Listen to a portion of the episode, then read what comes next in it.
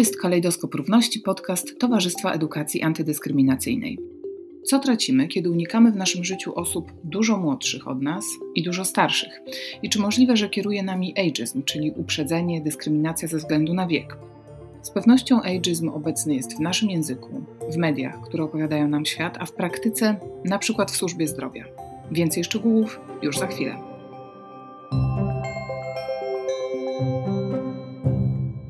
Ja się nazywam Hanna Zielińska, jestem dziennikarką, a z nami w studiu są dwie ekspertki e, od tego tematu. W zasadzie można powiedzieć, że wszyscy e, do jakiegoś stopnia mamy w tym temacie doświadczenia, ale dzisiaj będziemy rozmawiać z osobami, e, które tych doświadczeń zebrały więcej niż przeciętna osoba. Jest z nami Małgorzata Paradowska. Dzień dobry, witaj Małgosiu. Cześć, witam. E, Małgosia jest edukatorką, nauczycielką, trenerką, jest wiceprezeską Fundacji Różne Wątki e, i Małgosia w swojej aktywności skupia się przede wszystkim na działaniach poprawiających jakość życia seniorów. O tej działalności będziemy dzisiaj opowiadać i z tą działalnością jest też związana obecność e, naszego drugiego gościa. Jest z nami Ewa Dyngler-Gajowniczek. Dzień dobry, witaj Ewo. Dzień dobry. E, Ewa poznała się z Małgosią w trakcie zajęć z języka angielskiego na Uniwersytecie trzeciego wieku. E, od tego momentu zaczęła się znajomość Małgosi i Ewy. E, Ewa dzisiaj sama uczy się na Uniwersytecie trzeciego wieku, ale jej aktywność zawodowa również była związana z edukacją, z nauczaniem. Ewa uczyła przez wiele lat francuskiego, była lektorką francuskiego na kilku uczelniach w Szczecinie.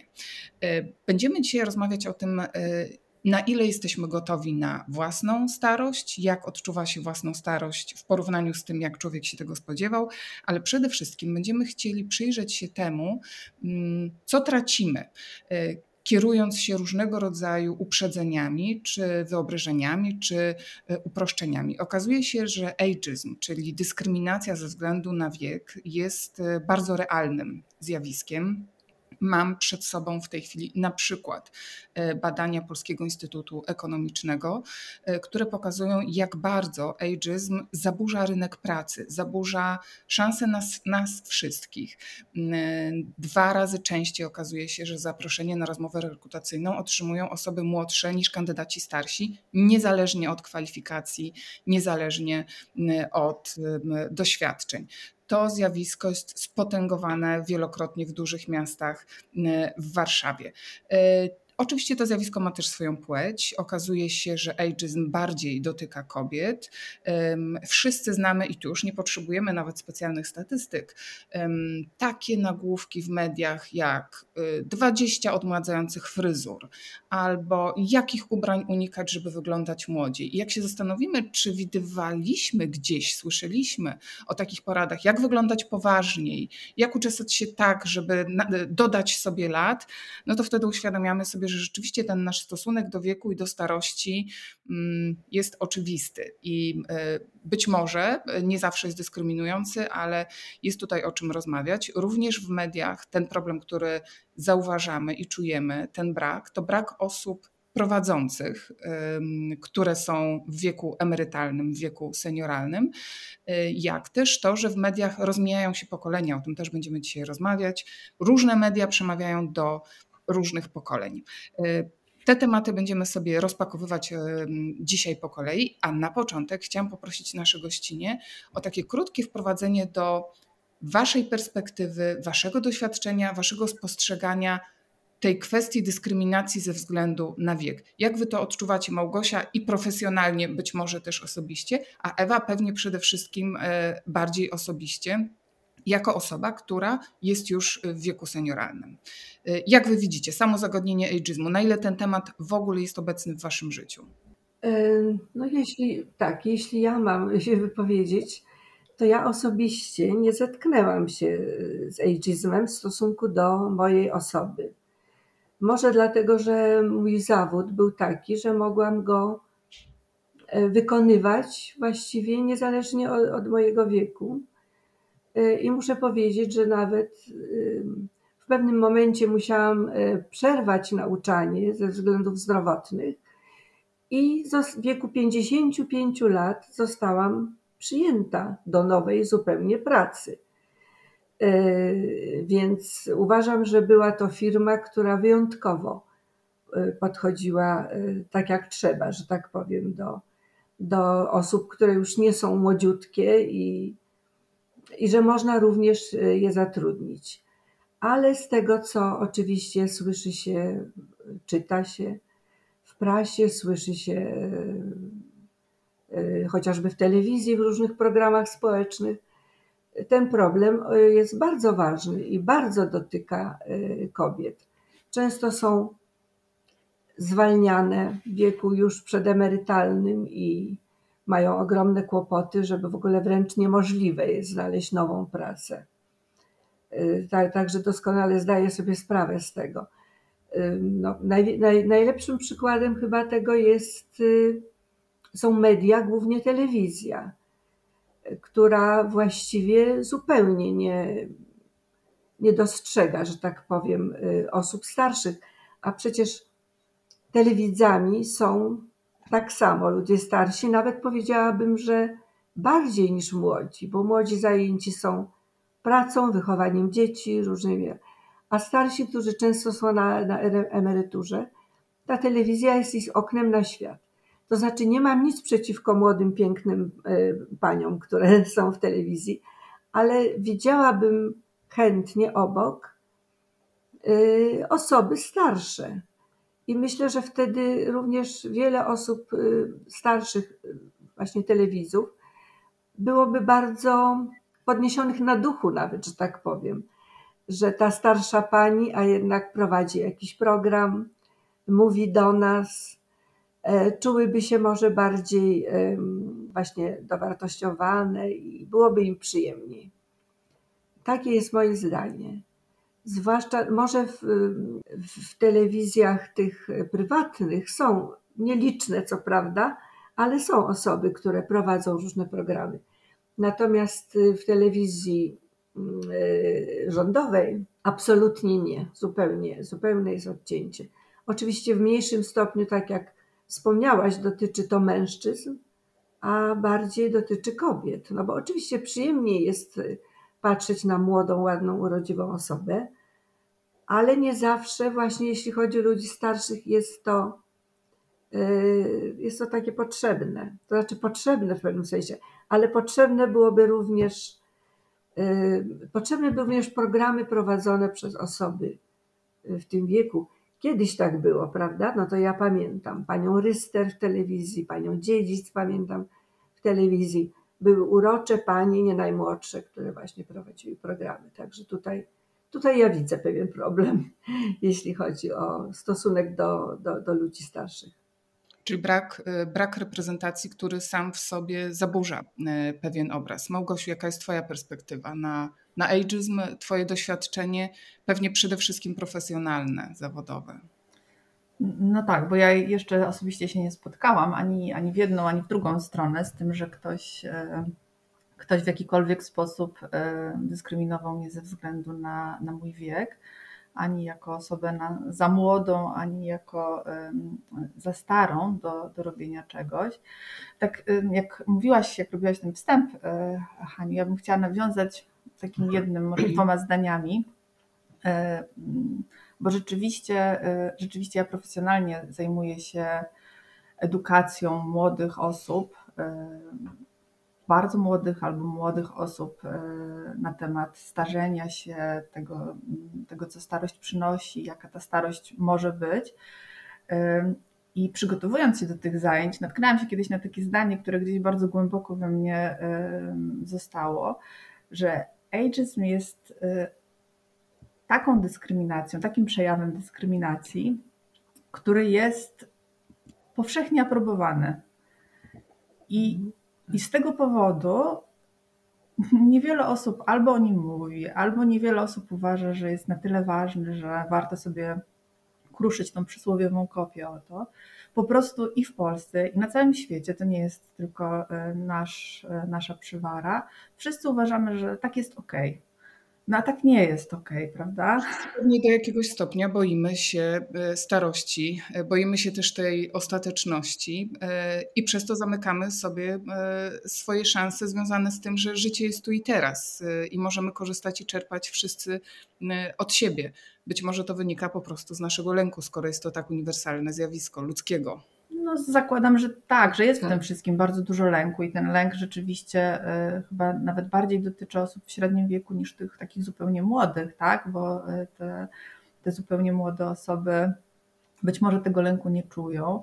Też y, prowadząc zajęcia z edukacji do starości, które, które prowadzę w ramach Centrum Aktywności Międzypokoleniowej Nowoliwie, Y, często spotykam się w szkołach y, z takim zdaniem młodych ludzi, że, mm, że oni to już mają plan, żeby tej starości nie doczekać. Powiem szczerze, staram się nie wchodzić w ten temat, tak? bo to już jest w ogóle y, rozmowa o wartościach, o, o tym, do jakiego stopnia jesteśmy panami naszego życia, a, a w jakim stopniu jest ono nam, nam dane i jest wartością samą w sobie. Takie, takie mam poczucie, że kiedy mam 45 minut lekcji rozmawiania o starości, to no, nie wchodzę w temat, y, w temat tego, jak, jak dana młoda osoba widzi, y, widzi swoje życie, które nie doczeka tej starości. No, też chyba nie jestem po prostu kompetentna, żeby o tym z nimi rozmawiać.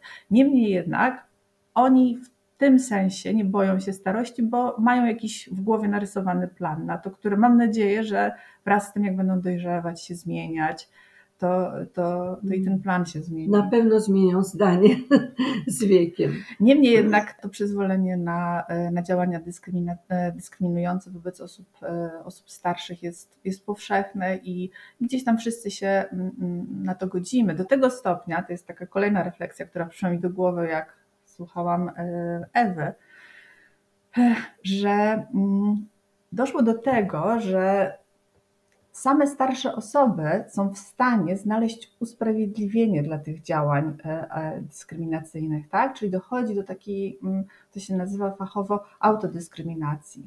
Czyli ja wiem, że już jestem starszą osobą i potrafię znaleźć usprawiedliwienie, dlatego że inni mnie traktują jako starszą osobę. W związku z tym to się tak trochę nakręca jak takie samo spełniające się proroctwo że w takim razie ja się wycofam z, z wielu obszarów życia, bo tam jest moje miejsce, bo wszyscy mi to miejsce tam wskazują i ja się z tym zgadzam. Czyli jakiś taki proces internalizacji. Internalizacji e, tego powszechnego przekonania, że zaawansowany wiek, im bardziej zaawansowany wiek, E, tym mniej e, jesteśmy przydatni, czy też tym mniej przynależymy do, do, do czegoś, co jest agorą, co jest wspólną przestrzenią, do tego współ, e, współtworzenia przestrzeni publicznej.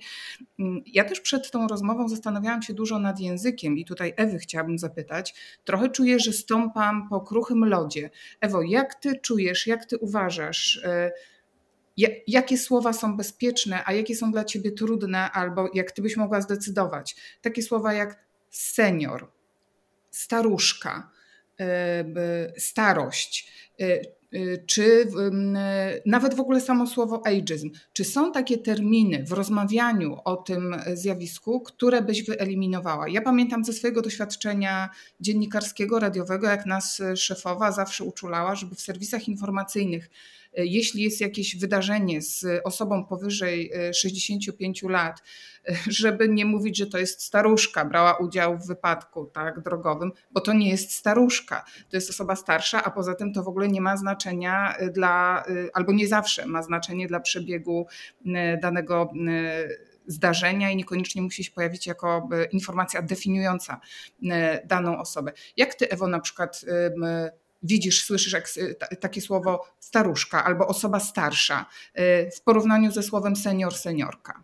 E, mówiąc szczerze, nie zastanawiałam się nad tym. W tej chwili zaczęłam się intensywnie e, zastanawiać. Myślę, że myślę, że dobre są takie powiedzenia starsza pani, starszy pan, jakoś w ten sposób. Absolutnie nie zgadzam się z tym z mówieniem na przykład przez służby medyczne babciu czy dziadku. No to dla mnie nie, nie, nie, nie wchodzi w ogóle w grę, a jest to dosyć popularne. Słyszałaś? Jak to wygląda? Słyszałam sama, bo ponieważ y, z mężem byłam wiele razy w szpitalu y, w związku z jego poważną chorobą, więc słyszałam pielęgniarki mówiące w ten sposób: idź tam babci, daj tam to, bo, bo dzwoni na przykład. Albo co ten dziadek znowu chce.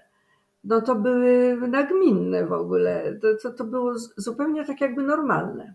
Mhm. Zatrzymajmy się przy tym, bo mamy bardzo dobry przykład y, z życia wzięty. Mm, słowo babcia czy dziadek, jego nacechowanie emocjonalne w zasadzie zależy od kontekstu, od sytuacji, od intencji. I w kontekście rodzinnym to jest bardzo ciepłe słowo i y, z reguły właśnie nacechowane bardzo pozytywnie emocjonalnie. Co innego, jeśli to rzeczywiście dzieje się w instytucji, y, gdzie to słowo odbiera pewnego rodzaju podmiotowość, upupia, infantylizuje. Paradoksalnie to skrócenie dystansu, e, zrezygnowanie z czyjegoś imienia i nazwiska, czy nawet powiedzenia pani Ewa, e, ale właśnie zastąpienie tego terminem babcia, jak rozumiem, może być odbierane jako coś odbierające godność, tak? podmiotowość, człowieczeństwo. Czy ja dobrze rozumiem Twoje intencje? Dlaczego, dlaczego to słowo babcia i dziadek w instytucji na przykład ochrony zdrowia y, publicznego nie powinno być Twoim zdaniem używane? Absolutnie uważam, że nie powinno być tu używane, ponieważ to są słowa zarezerwowane dla rodziny.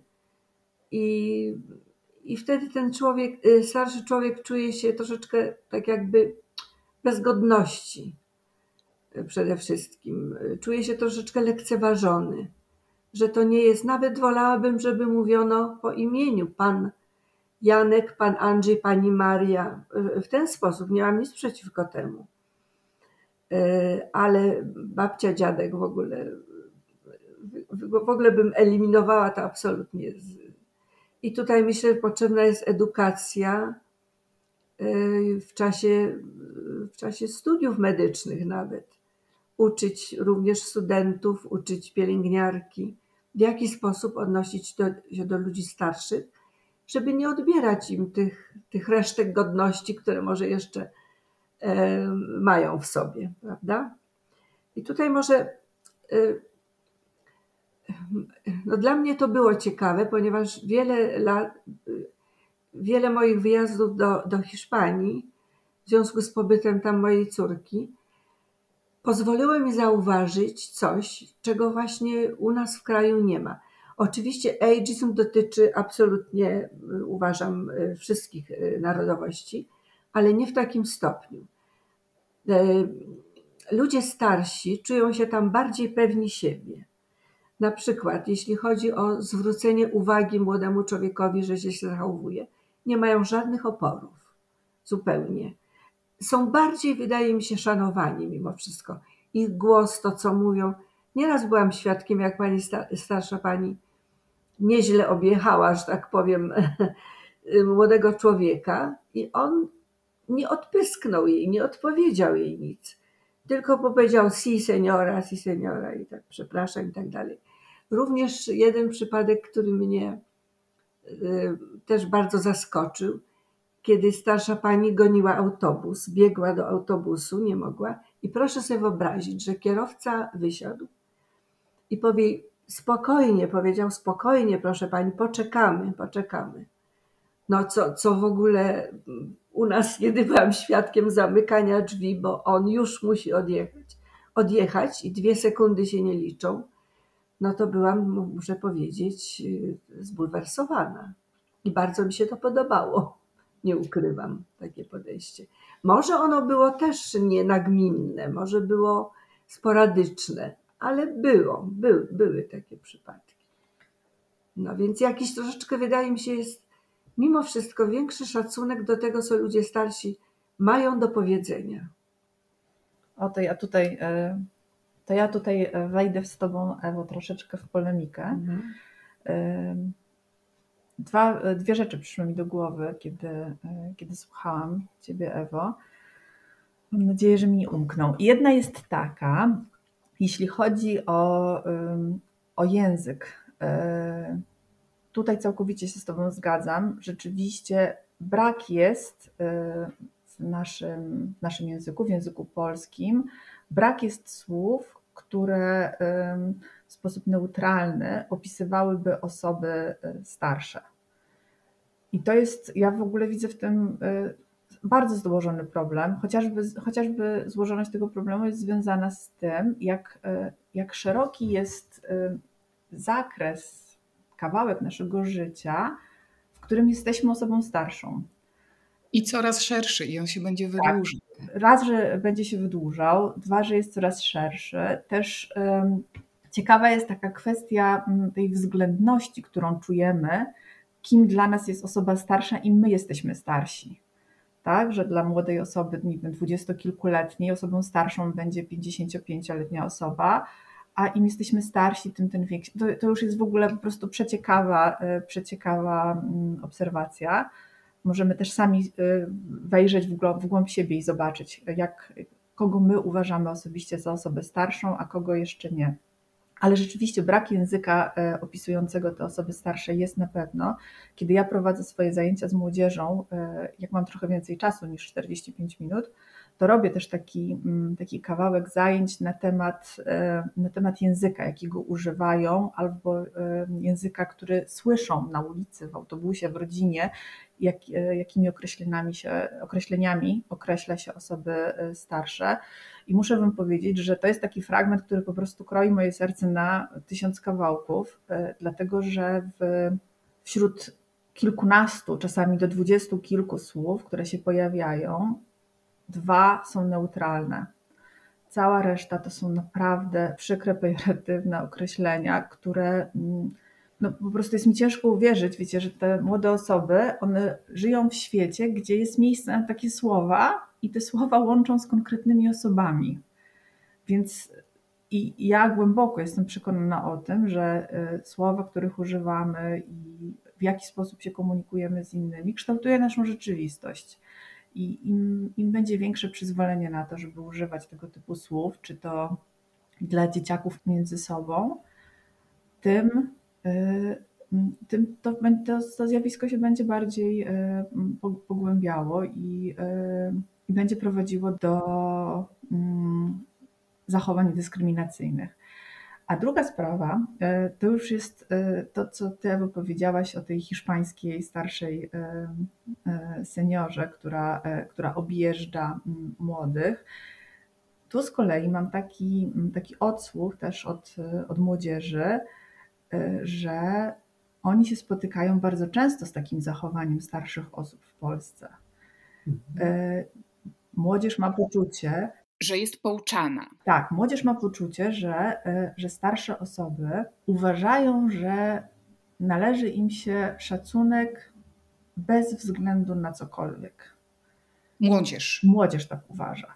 I ma z tym ogromny problem. Widać, że, e, że oni już są takim pokoleniem, gdzie szacunek jest, e, jest rzeczą, którą się nabywa poprzez swoje zachowanie, poprzez to, jak żyjemy, poprzez to, w jaki sposób się komunikujemy z innymi. I y, bardzo często narzeka młodzież, z którą ja się spotykam, na to, że, y, że starsze osoby bardzo się przyczepiają. Mhm. Przepraszam, to jest najłagodniejsze słowo, które mi przychodzi do głowy spośród tych, które słyszę, y, słyszę od młodzieży. O cokolwiek. Mhm. Największym polem bitwy są na przykład autobusy, tramwaje i metro, środki komunikacji publicznej, gdzie po prostu to jest pole jakiejś międzypokoleniowej walki. Ja pochodząc z niewielkiego miasta, gdzie nie korzystam z, ze środków komunikacji publicznej, w ogóle nie byłam tego świadoma. Natomiast młodzież warszawska, z którą ja się spotykam, ale zakładam, że jest podobnie w Gdańsku, we Wrocławiu, w Katowicach, być może byłyby podobne opowieści o tej takiej, wiecie, ciągłej walce o miejsce. Bo to jest też walka o głos. Czyj głos jest ważny? Kto wyznacza normy? Y, oczywiście y, godność i szacunek jest przynależny każdemu człowiekowi i jest y, niezbywalny, ale jak rozumiem, chodzi o to, że w tych tramwajach i w tych autobusach, gdzie z reguły, gdzieś jedziemy, gdzieś się spieszymy, młodzież pewnie do szkoły, starsi ludzie mają swoje sprawy i w tym napięciu nie chodzi tylko o to, kto zajmie to miejsce przy oknie i kto usiądzie, ale też kto jest tutaj, kto jest tutaj osobą, czy kto jest podmiotem w tej, w, tej, w tej grupie, w tym społeczeństwie. I to jest chyba temat, który jest nam bliski od wielu lat, jak nie pokoleń, y, jak nie stuleci, bo to, to, mam wrażenie, że ty tutaj dotykasz problemu zastępowalności pokoleń y, po prostu. Y, tego, że młodzież napiera, starsze osoby odchodzą na własnych warunkach i mają jeszcze bardzo wiele do powiedzenia i, i bardzo często warto posłuchać tego komentarza, ale na tym polega młodość, że potrzebuje popełnić swoje błędy. Hmm. No nie patrzyłam na to wcześniej, tak jak, e, tak jak ty powiedziałaś. Myślę, że muszę się nad tym zastanowić. Na razie, na razie ja jestem w takim momencie, kiedy mm, zastanawiam się, kto pierwszy powinien coś z tym zrobić. Wróćmy do języka. Czy możemy coś teraz, dzisiaj zaproponować? Bo ty masz ogromne doświadczenie właśnie w tych rozmowach e, z osobami młodymi, z osobami starszymi i mówisz tak, że jest bardzo trudno o co najmniej neutralne określenie starszego wieku, zaawansowanego wieku. Czy Twoim zdaniem na przykład ten termin senior, seniorka, wiek senioralny, okres senioralny jest dla Ciebie do zarekomendowania, bo jest wystarczająco neutralny? Tak, ja w ogóle z przyjemnością używam tych słów senior, seniorka. No, ja również, tak, zgadzam się z tym, tak. Ja kilka lat tak. temu robiłam, e, robiłam tutaj u nas w naszym mieście, e, robiłam diagnozę potrzeb osób starszych i i prawdę mówiąc, e, z tej diagnozy, właśnie z badań, z rozmów, które e, przeprowadziłyśmy z, e, wraz z moją koleżanką, z osobami starszymi, słowo senior, ono tak, tak nieśmiało wtedy wchodziło. To było 2017-2018 rok, kiedy robiłyśmy te badania. I wtedy to słowo było takie trochę, takie troszeczkę obce, zapożyczone, ale właśnie z takim, z takim dobrym, neutralnym wydźwiękiem, wiecie, nie jakimś super pozytywnym, ale zupełnie nie, nie, negatyw, nie negatywnym. I mam wrażenie, że osoby starsze się z nim, się z nim zaprzyjaźniają, zwłaszcza, że senior jest postrzegany jako ten taki aktywny kawałek starości, taki proaktywny, nawet bym powiedziała. Seniorzy to są osoby, którzy, które chodzą na zajęcia na Uniwersytet Trzeciego Wieku, to są osoby, seniorzy to są osoby, które wyjeżdżają na wycieczki za granicę, to są osoby, które jeszcze coś, coś chcą z tym życiem swoim porobić, że mają takie poczucie sprawczości i wpływu na życie. Mhm. Więc tak mi się kojarzy słowo senior. Mogę coś. Mm. Tak, takich osób jest coraz więcej a, i my je widzimy, bo one są bardziej widoczne. Ale jest wiele osób, które absolutnie y, żyją tak jakby na boku troszkę. W swoim świecie. W swoim tak? świecie i y, nie starają się, czy nie mogą, mogą, może się źle czują, może źle czują się w tym sensie, że właśnie uważają, że już są na boku, mm, albo y, choroba jakaś im nie pozwala ale to jest, myślę, że więcej jest osób w grupie seniorów, właśnie takich, żyjących troszeczkę na boku, bo my widzimy tylko te, które żyją aktywnie.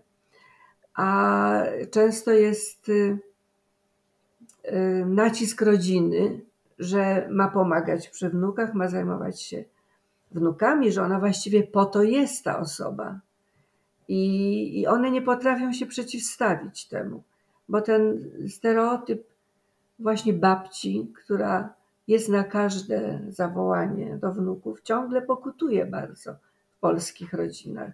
To ciekawe, e, że o tym mówisz, e, bo ja jako osoba raczej jeszcze w wieku macierzyńskim e, niż czyli jakby zajmująca się bardziej swoimi dziećmi niż wnukami, mam poczucie, że ten model rodziny odszedł już y, albo odchodzi na naszych oczach, a ty jako osoba, która ma znajomych y, w wieku 60-70 plus, y, mówisz, że wciąż jednak czuje się tą presję, czy też to wymaganie pokoleniowe, że wiek jednocześnie jest pewną funkcją społeczną. Oczywiście to dotyczy przede wszystkim kobiet, znowu, że oczekuje się, że ten moment, kiedy wreszcie możemy zająć się sobą, kiedy jeszcze zdrowie nam e, pozwala na pewnego rodzaju niezależność i moglibyśmy zająć się zajęciami właśnie na Uniwersytecie Trzeciego Wieku, czy uczestniczyć w takich zajęciach, jakie prowadzi Małgosia, że my e, w jakimś sensie, kiedy wchodzimy w ten wiek, rodzina od nas spodziewa się pewnego rodzaju nieodpłatnej pracy. I ty to, jak rozumiem, Ewo, cały czas widzisz, tak? tak to jest, absolutnie. Ja mam wrażenie, że to już odchodzi, ale.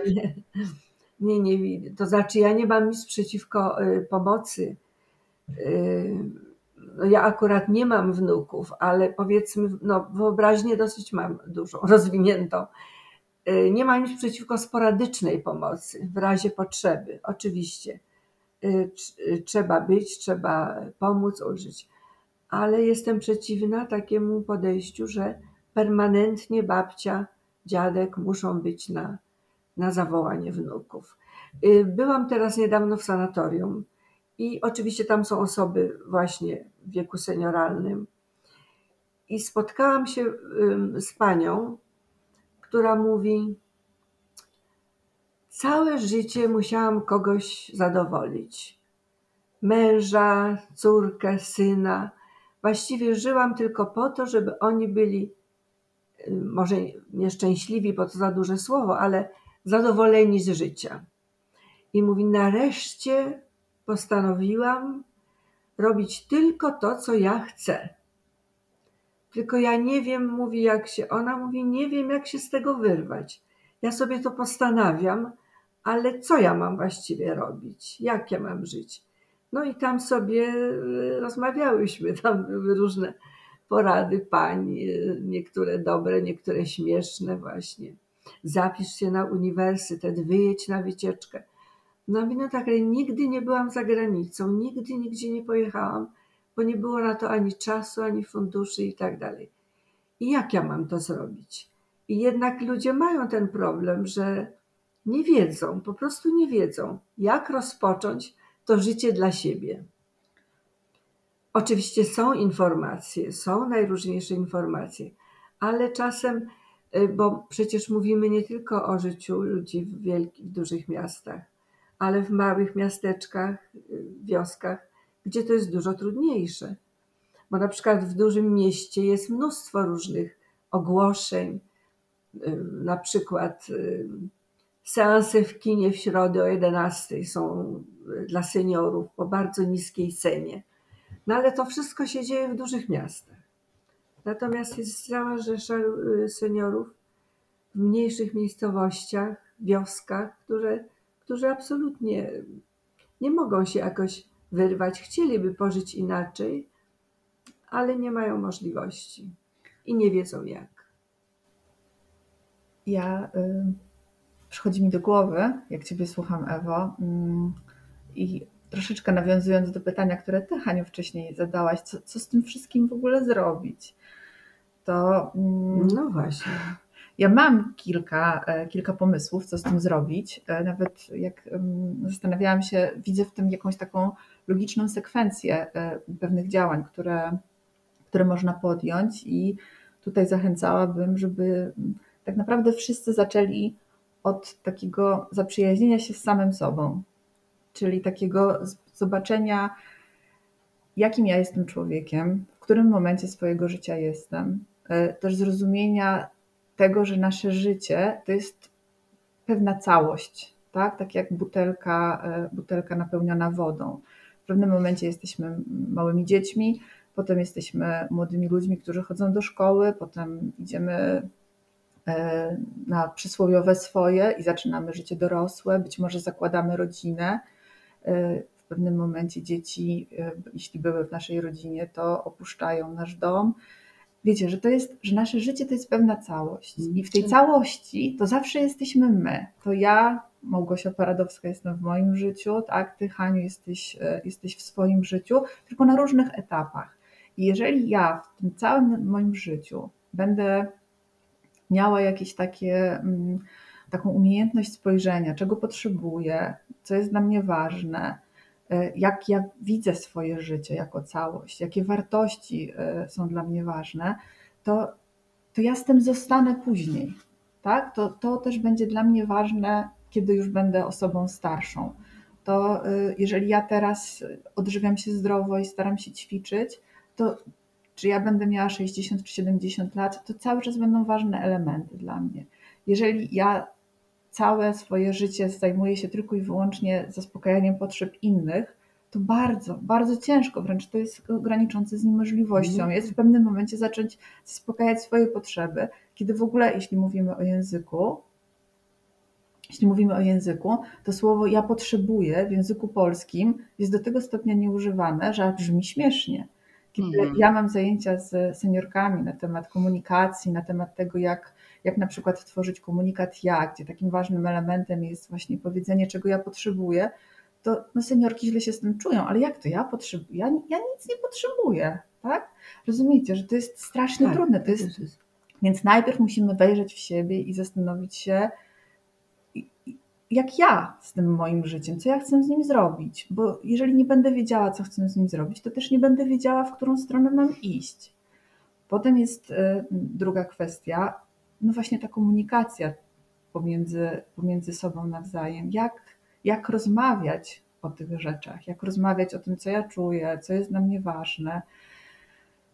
No i żeby do tego mogło dojść, no to musimy zaprzyjaźnić się w ogóle z edukacją i to nie tylko tą edukacją taką formalną, która się odbywa w szkole, ale znowu edukacja i takie samodoskonalenie się i samokształcenie musi być po prostu dla nas zawsze ważne.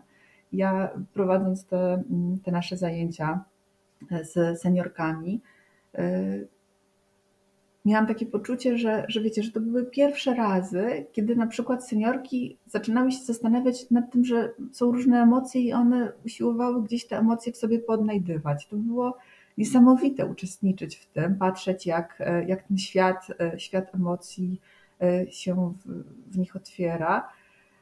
I takie, no, tak trochę czułam, że z jednej strony szkoda tak, tego kawałka życia, które im minęło, kiedy nie miały e, możliwości się e, na tych swoich emocjach skupić, a z drugiej strony myślę sobie ekstra, dobrze, że to się wydarzyło. To no trudno, mają 60, 70 czy 80 lat, bo, e, bo były i takie, ale już to się wydarzyło, więc to już jest jakiś taki krok do przodu, tak mi się Mm. wydaje. Tak, nie no, oczywiście, Prawda? tylko wiesz, tylko nie są ludzie na różnych y, poziomach inteligencji emocjonalnej, czy no i, i nie, pot- nie pomyślą o tym, że ma wejrzeć w siebie. Po prostu nie są do tego przyzwyczajone, nie potrafią. Tak, tak. To wszystko, o czym mówiła teraz y, Małgosia i Ewa, możemy y, osadzić w kolejnej porcji statystyk i uświadomić sobie, że rzeczywiście ta dzisiejsza starość czy wiek senioralny to jest zupełnie co innego niż jeszcze wyobrażaliśmy sobie 50 lat temu, 20 lat temu, y, bo to jest czas faktycznie na skupienie się na sobie, na swoich emocjach, y, na tym, ym, czego potrzebujemy w życiu. Y, Ta starość nasza jest po prostu coraz dłuższa, coraz bardziej zdrowa, przyjemna, bezpieczna. W tej chwili patrzę na statystyki, na prognozy GUS-u, które pokazują, że w 2030 roku, już niedługo, za 7 lat, będzie wzrost o 10%, jeśli chodzi o udział osób w wieku 60 lat y, w życiu społecznym. Y, W roku 2040 wzrost o 25%, a w 2050 to będzie wzrost o 40%. W 2050 osób w wieku ponad 60 lat w Polsce będzie prawie 14 milionów. Y, Biorąc pod uwagę, że liczba populacji spada, y, już nie mówimy w zasadzie o jakiejś mniejszości, o jakichś ostatnich latach życia. To jest ogromny kawał życia, poczynający się od wieku, nie wiem, 55, 65 do bardzo często e, wieku e, takiego, który dotychczas uważaliśmy za naprawdę późny. I tutaj e, bardzo chętnie wprowadziłabym wątek pokoleniowy w życiu Ewy, bo to jest też bardzo ciekawe zjawisko. Ewa tutaj jest e, przedstawiona i bierze udział w naszej rozmowie jako seniorka.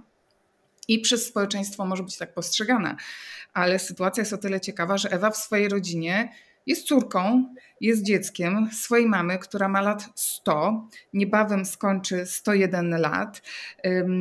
I ty, mając y, 70 kilka lat, sama y, występujesz w roli pokolenia młodszego, pokolenia niżej. y, I dla ciebie osoba w wieku senioralnym to jest dopiero twoja mama, jak rozumiem. Aż tak dobrze nie jest. No ale moja mama na szczęście jest osobą bardzo e, żywotną, że tak powiem, w sensie psychicznym, bo z chodzeniem są kłopoty. Znaczy chodzi, chodzi po domu oczywiście, nie jest osobą leżącą, ale em, zawsze interesowała się śpiewem, tańcem, czytaniem, takimi rzeczami. No i rzeczywiście tak jak tu y, Gosia wspominała, że jak kim jest, jest za młodu, tym częściej właśnie jest się w wieku senioralnym. E, no są momenty trudne, bo pewnych rzeczy, y, pewne, pewne rzeczy są nie, niewytłumaczalne, zwłaszcza jeśli chodzi o technologie różne i tak dalej. Chociażby odebranie przesyłki z InPost. Próbowałam mamie wytłumaczyć, o co tu chodzi, dlaczego ona nie przyjdzie do domu, tylko będzie tam. To, to, to w ogóle było nie, nie, zupełnie niezrozumiałe, że tam gdzieś jest jakiś schowek, do którego przyjdzie moja przesyłka i tak dalej. No ale to są takie, powiedzmy, rzeczy mniej istotne. Jak Twoja mama postrzega Ciebie jako osobę w wieku senioralnym? To jest ciekawe, czy Twoja mama rejestruje, że Ty jesteś osobą w wieku emerytalnym, y, że Ty również jesteś w zasadzie z punktu widzenia społecznego w jednej grupie wiekowej ze swoją Nie, mamą. zupełnie nie. Mama mnie uważa za osobę młodą, która jest w stanie w ogóle wszystko zrobić. Ja często muszę przypominać, mówię, mamusiu, chyba nie bardzo zapominasz, ile ja mam lat. To dopiero jest, no tak, ale ja w twoim wieku to, to, to, to. I a czasem się śmiejemy, bo mama ma poczucie humoru i w ogóle czasem mówimy, że przyjdzie taki moment, ja mówię do mamy, że ty się będziesz mną opiekować. Naj, najba- najtrudniejsze problemem jest ta, ta, ta, ta przepaść właśnie technologiczna, że tak powiem. To jest rzeczywiście e, szersze zjawisko. E, Przepaść e, technologiczna związana jest z wykluczeniem cyfrowym, czyli no, część rzeczywistości przeniosła się mm, do internetu, część rzeczywistości się zwirtualizowała. Wiele usług dostępnych jest wyłącznie dla osób, które mają adres mailowy, które są w stanie e, posługiwać się różnego rodzaju technologiami. I oczywiście mamy, obserwujemy bardzo dużo działań przeciwko wykluczeniu cyfrowemu, e, ale tutaj chciałabym zapytać się o, wa- o, Wasze doświadczenie i e, Waszą perspektywę. Na ile jest to rzeczywiście w praktyce problem zauważalny i faktycznie wykluczający, wyłączający seniorów z pewnych obszarów życia? Na pewno same media społecznościowe w zasadzie zamykają się e, na seniorów. E, Też przejrzałam statystyki przed naszą rozmową. E, Odbiorcy takich mediów jak na przykład TikTok, osoby w wieku powyżej 50 lat to jest 4-5% tylko. Mm, A właściwie tam jest przede wszystkim e, młodzież, która z kolei nie ogląda tej telewizji. E, Ewa na początku naszej rozmowy e, wspomniała o tym, że m, brak reprezentacji osób starszych widzi w mediach głównie w telewizji. Pewnie w telewizji, bo pewnie głównie telewizję ty sama odbierasz jako odbiorca mediów, a telewizja z kolei dla młodych ludzi dzisiaj właściwie jest martwym medium. Dla nastolatków, dla osób młodych dzisiaj tylko i wyłącznie serwisy streamingowe, czyli takie, w których człowiek sobie sam wybiera ewentualnie jaki serial, jaki odcinek, a najbardziej media społecznościowe, czyli właśnie ten TikTok, gdzie po, poniżej y, 5% mamy osób powyżej 50 lat. Y, To samo na Twitterze y, i to samo w innych mediach społecznościowych. Facebook wydaje się takim medium trochę pośrednim. Trochę ludzi w wieku średnim y, korzysta z Facebooka, młodzież y, niespecjalnie. Na ile z Waszego doświadczenia wynika, że to jest rzeczywiście praktyczna rozłączność komunikacji, praktyczna rozłączność światów, a może nawet niedostępność, może nawet wykluczenie. Jak wy to widzicie? Y, Chciałam powiedzieć o takim wykluczeniu całkowitym, bo byłam świadkiem e, w przychodni, bo tutaj wydaje mi się w tej, w, y, w tej dziedzinie najbardziej ludzie odczuwają starsi ten ageism, jeżeli tak w skrócie możemy powiedzieć. Widziałam, jak rejestratorka tłumaczy pani, która wiem, że absolutnie nie, w ogóle jest daleka od tych spraw, tłumaczy jej, że dostanie pani kod z numerem recepty. Ona SMS. w ogóle nie była w stanie zrozumieć, bo wiem, że widziałam po niej, że ona nie, nawet nie miała nigdy telefonu y, komórkowego. Więc mnóstwo osób musi korzystać y, z najbliższych, pomoc, pomocy najbliższej, ale nie wszyscy mają taką pomoc. Dużo młodych przecież wyjechało. Dużo ludzi młodych w ogóle nie chce się zajmować y, tymi sprawami, bo i tak ona nic nie zrozumie przecież. Także tutaj, tutaj ja widzę. y, Jeszcze króciutko powiem, bo nie, nie, nie powiedzieliśmy, taka dyskryminacja na bo mówiliśmy takiej kulturowej, międzypokoleniowej, ale jest taka dyskryminacja, która już jest narzucana z rządu, odgórnie, państwowa. Na przykład przesiewowe badania, które kończą się na wieku 69 lat. Im osoba starsza, tym ma większe potrzeby związane z dbaniem o zdrowie. I teraz dowiedziałam się właśnie ciekawostkę w, teleturnie, w teleturnieju naszym. Było pytanie, czy program rządowy dotyczący pakietu badań diagnostycznych dla kogo jest? Dla 4, 40 plus czy 60 plus? Ja myślałam, że powiedzą 60 plus. Okazuje się, że 40 plus. To znaczy, nie mam nic przeciwko temu, żeby te pakiety diagnostyczne były dla osób 40 plus ale powinny być również dla osób 60. Pokazuje to utylitarne podejście decydentów do tego, komu warto zapłacić za stan zdrowia. Tym osobom w wieku tak zwanym e, produkcyjnym, tym osobom aktywnym e, zawodowo, no to rzeczywiście fatalnie świadczy o decydentach. No I to jest od razu z góry narzucone, że my jesteśmy na boku. Czy chorujemy, czy nie, już nieważne. Pakietu do badań diagnostycznych nie dostaniemy, prawda? No więc tu, tutaj od razu się ten przedział z góry zarzuca. Może teraz Gosia powie, bo więcej wiem. Mhm. Chodzi o wykluczenie cyfrowe i cyfrową rozłączność światu. Tak, ja mm, mm, rzeczywiście mam, mam trochę doświadczenia w, e, w tym temacie i muszę powiedzieć, że to wykluczenie cyfrowe, mm, tak jak ono jest pojmowane powszechnie, albo tak jak ty, Haniu, je przedstawiłaś, pytanie, pytanie temu, to jest w ogóle pikuś w porównaniu z tym, jak wielki jest ten problem. Dlatego, że mm, nie wiem, czy będę potrafiła ubrać to w słowa e, odpowiednio dobrze, w razie czego e, wspomóż mnie swoim e, doświadczeniem dziennikarskim. Słuchajcie, największy problem z wykluczeniem cyfrowym jest taki, że ten świat cyfrowy, on jest tak skonstruowany, że on jakby ma tak wielką barierę wejścia w ten świat dla seniorów, że dla osób, które na co dzień używają komputera, telefonu e, komórkowego, smartfonów, że my nie jesteśmy w stanie sobie wyobrazić, jak wielka jest ta bariera. W tym, w tym, jak to jest nieintuicyjne wszystko z punktu widzenia osób starszych, jak bardzo hermetyczny jest język, jak nawet, słuchajcie, ja prowadziłam takie zajęcia z bardzo takiej podstawowej obsługi e, smartfonów e, w dziennym domu Senior Plus e, dla osób, które, które chcą tak naprawdę wykorzystać telefon tylko po to, żeby szybko umieć wykręcić numer do, do swojej córki czy do syna, czy żeby wykonać telefon do przychodni.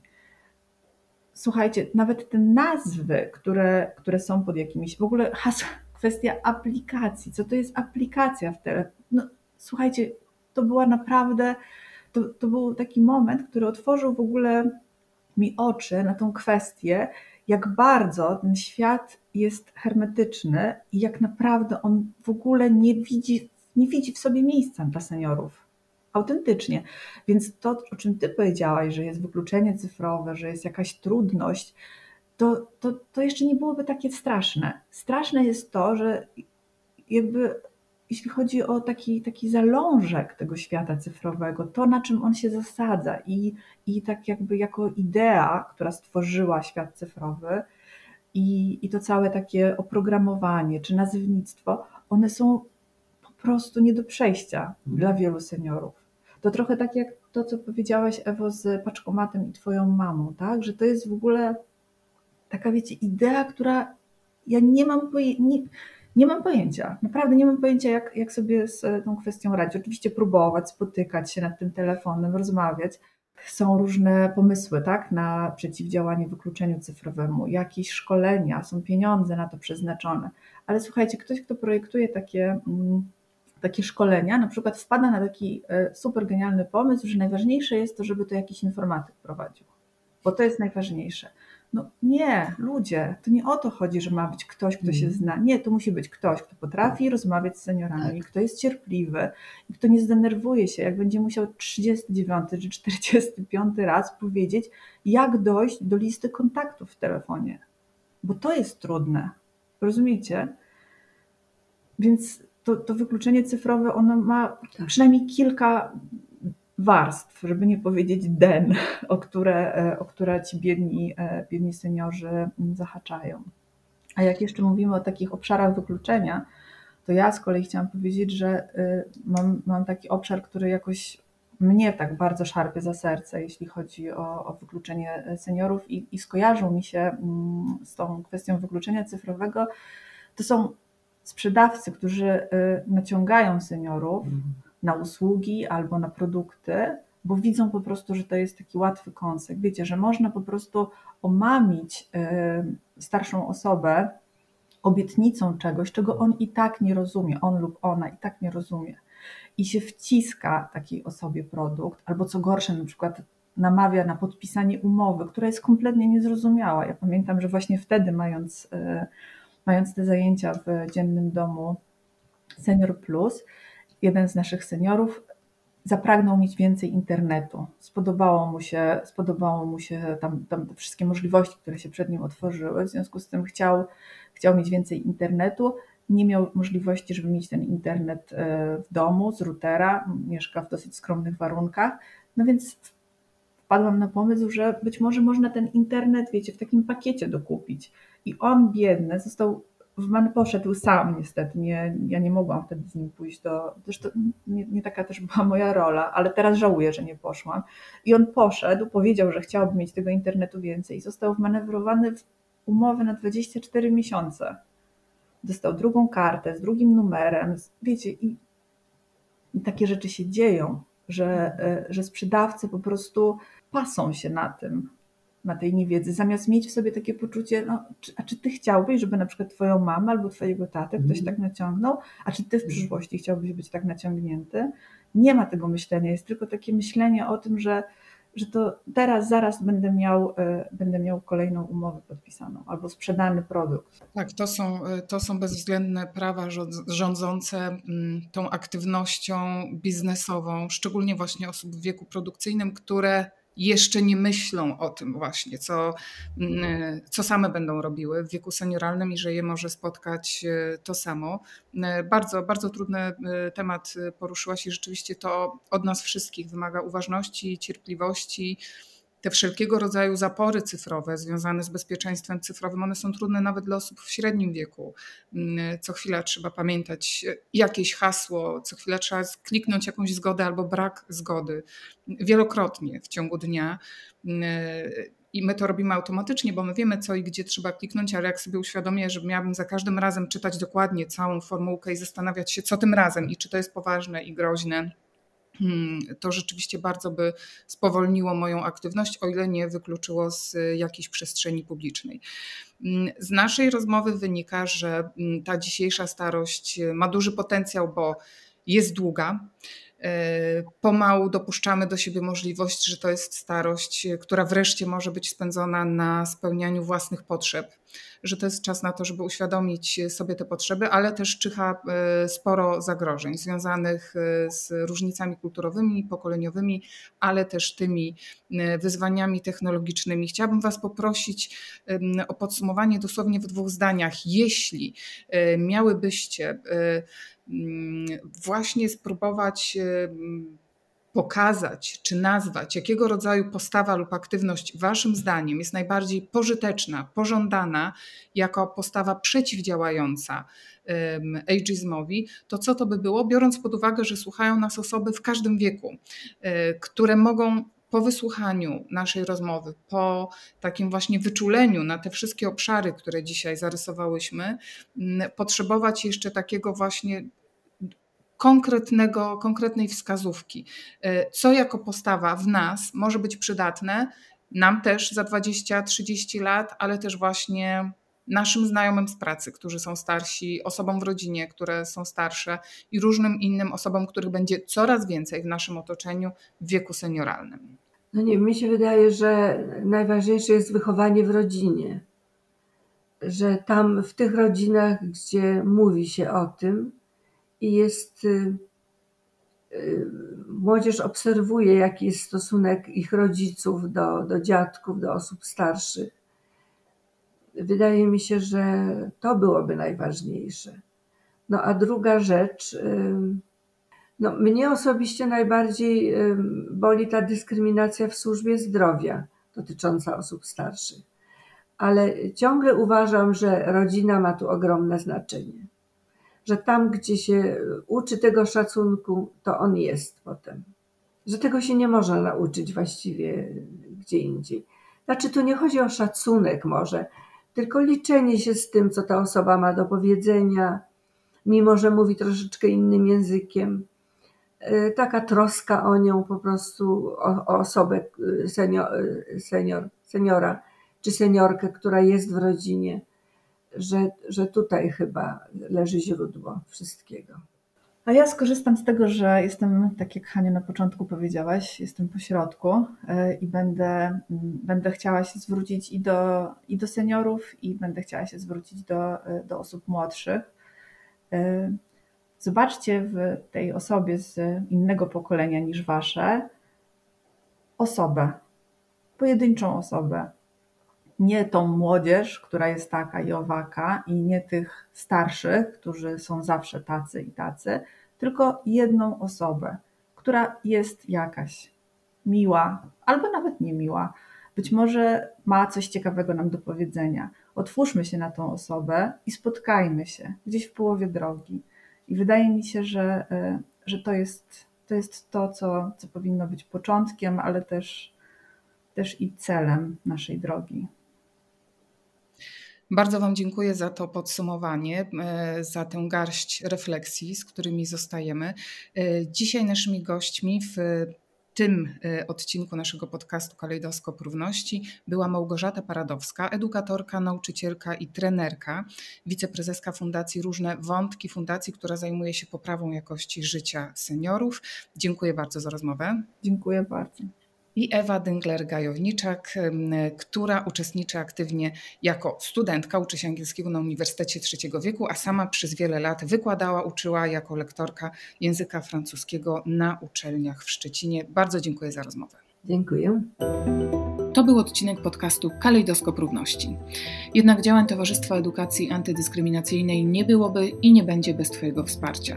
Jeżeli chcesz wspólnie z nami tworzyć świat wolny od dyskryminacji i przemocy, przekaż Towarzystwu darowiznę. Możesz zacząć od wejścia na naszą stronę ta.org.pl ukośnik wsparcie. Ten sezon podcastu realizowany jest w ramach projektu Kalejdoskop Równości. Projekt finansowany jest przez Islandię, Liechtenstein i Norwegię z Funduszy Europejskiego Obszaru Gospodarczego w ramach programu Aktywni Obywatele Fundusz Regionalny. I podziękowania dla zespołu tworzącego podcast. Produkcja i realizacja Paweł Kierzniewski. Koordynacja Magdalena Świder. Oprawa dźwiękowa i wizualna Michał Kacprowicz. Tłumaczenie na polski język migowy Natalia Litwiniuk. Wersja podcastu z tłumaczeniem na język migowy dostępna jest na kanale Towarzystwa Edukacji Antydyskryminacyjnej na YouTubie. A ja, w roli prowadzącej, Hanna Zielińska, zapraszam na kolejne odcinki Kalejdoskopu Równości.